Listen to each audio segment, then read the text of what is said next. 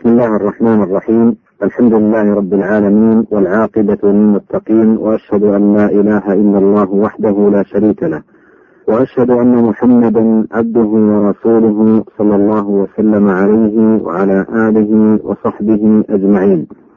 أما بعد السلام عليكم ورحمة الله وبركاته. معاشر المستمعين ومن أسماء الله الحسنى اللطيف الخبير. وهما اسمان تكرر ورودهما مجتمعين في عدة آيات من القرآن الكريم. قال الله تعالى لا تدركه الأبصار وهو يدرك الأبصار وهو اللطيف الخبير وقال تعالى ألم تر أن الله أنزل من السماء ماء فتصبح الأرض مخضرة؟ إن الله لطيف خبير وقال تعالى في ذكر وصية لقمان الحكيم لابنه يا بني إنها إن تك مثقال حبة من خردل فتكن في صخرة أو في السماوات أو في الأرض يأتي بها الله. إن الله لطيف خبير. وقال تعالى ألا يعلم من خلق وهو اللطيف الخبير؟ وقال تعالى واذكرن ما يتلى في بيوتكن من آيات الله والحكمة إن الله كان لطيفا خبيرا. معاشر المستمعين أما الخبير فمعناه الذي أدرك علمه السرائر واطلع على مكنون الضمائر وعلم خفيات البذور ولطائف الأمور ودقائق الذرات. فهو اسم يرجع في مدلوله إلى العلم بالأمور الخفية التي هي في غاية اللطف والصغر وفي غاية الخفاء. ومن باب أولى وأحرى علمه بالظواهر والجليات. وقد مضى الكلام عن صفة العلم وإحاطة علمه سبحانه بكل شيء وأنه عز وجل أحاط بكل شيء علما وأحصى كل شيء عددا. وأما اللطيف فله معنيان. أحدهما بمعنى الخبير وهو أن علمه دق ولطف حتى أدرك السرائر والضمائر والخفيات. والمعنى الثاني أو الذي يوصل إلى عباده وأوليائه مصالحهم بلطفه وإحسانه من طرق لا يشعرون بها.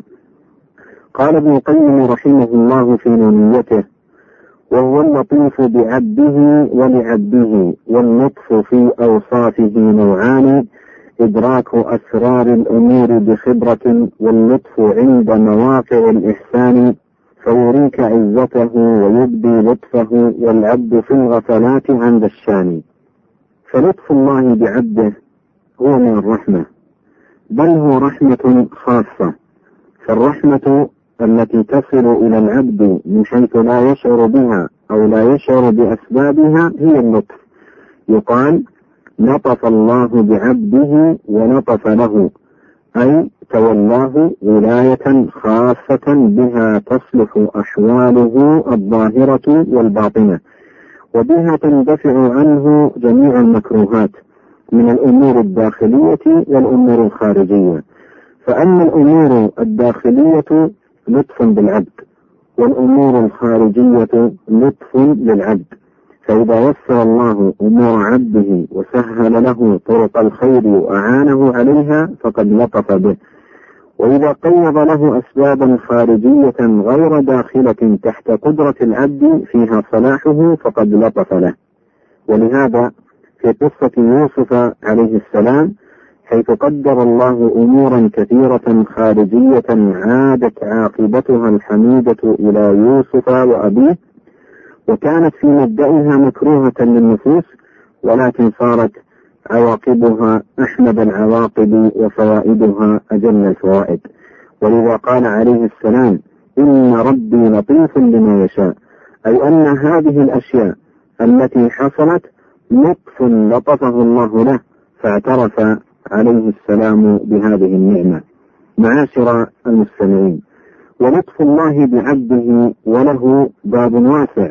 يتفضل الله تبارك وتعالى بما شاء منه على من يشاء من عباده ممن يعلمه محلا لذلك وأهلا له. والفضل بيد الله يؤتيه من يشاء والله ذو الفضل العظيم. ومن لطفه بعباده المؤمنين أنه جل وعلا يتولاهم بلطفه فيخرجهم من الظلمات إلى النور. من ظلمات الجهل والكفر والبدع والمعاصي إلى نور العلم والإيمان والطاعة. ومن لطفه بهم أنه يقيهم طاعة أنفسهم الأمارة بالسوء التي هذا طبعها فيوفقهم لنهي النفس عن الهوى ويصرف عنهم السوء والفحشاء مع توافر أسباب الفتنة وجوابب المعاصي والشهوات. فيمن عليهم ببرهان لطفه ونور إيمانهم الذي من عليهم به فيدعونها مطمئنة لتركها نفوسهم منشرحة للبعد عنها صدورهم. ومن لطفه بعباده أنه يقدر أرزاقهم بحسب علمه بمصلحتهم لا بحسب مراداتهم. فقد يريدون شيئا وغيره أصلح فيقدر لهم الأصلح وإن كرهوه لطفا بهم. قال تعالى الله لطيف بعباده يرزق من يشاء وهو القوي العزيز.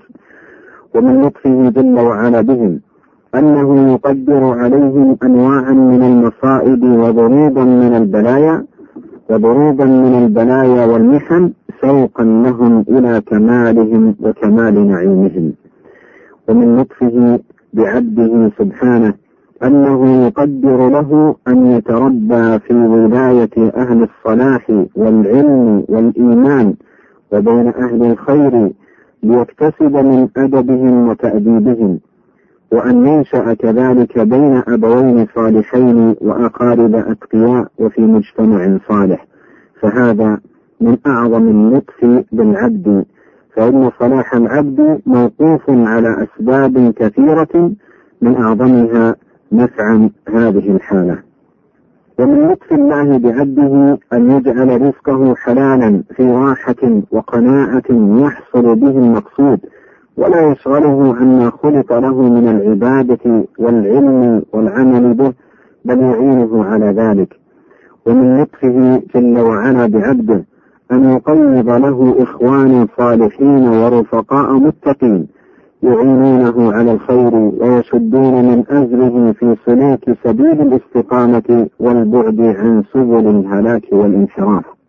ومن لطفه جل وعلا بعبده أن يبتليه ببعض المصائب فيوفقه للقيام بوظيفة الصبر فيها فينيله رفيع الدرجات وعالي الرتب وأن يكرمه بأن يوجد في قلبه حلاوة روح الرجاء وتأمين الرحمة وانتظار الفرج وكشف الضر فيخف ألمه وتنشط نفسه. قال ابن القيم رحمه الله فإن انتظاره ومطالعته وترقبه يخفف حمل المشقة ولا سيما عند قوة الرجاء أو القطع بالفرج.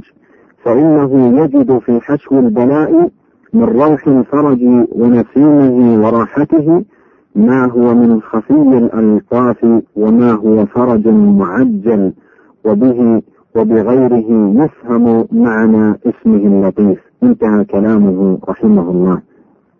معاشر المستمعين وكم هو نافع للعبد أن يعرف معنى هذا الاسم العظيم ودلالته وأن يجاهد نفسه على تحقيق الإيمان به والقيام بما يقتضيه من عبودية لله عز وجل فيمتلئ قلبه رجاء وطمعا في نيل فضل الله والظفر بنعمه وعطاياه متحريا في كل أحواله الفوز بالعواقب الحميدة والمآلات الرشيدة واثقا بربه اللطيف ومولاه الكريم بالنعم السوابغ والعطاء والنوال ومن يتحرى الخير يعطى ومن يتوقى الشر يوقى والفضل بيد الله وحده يؤتيه من يشاء والله ذو الفضل العظيم.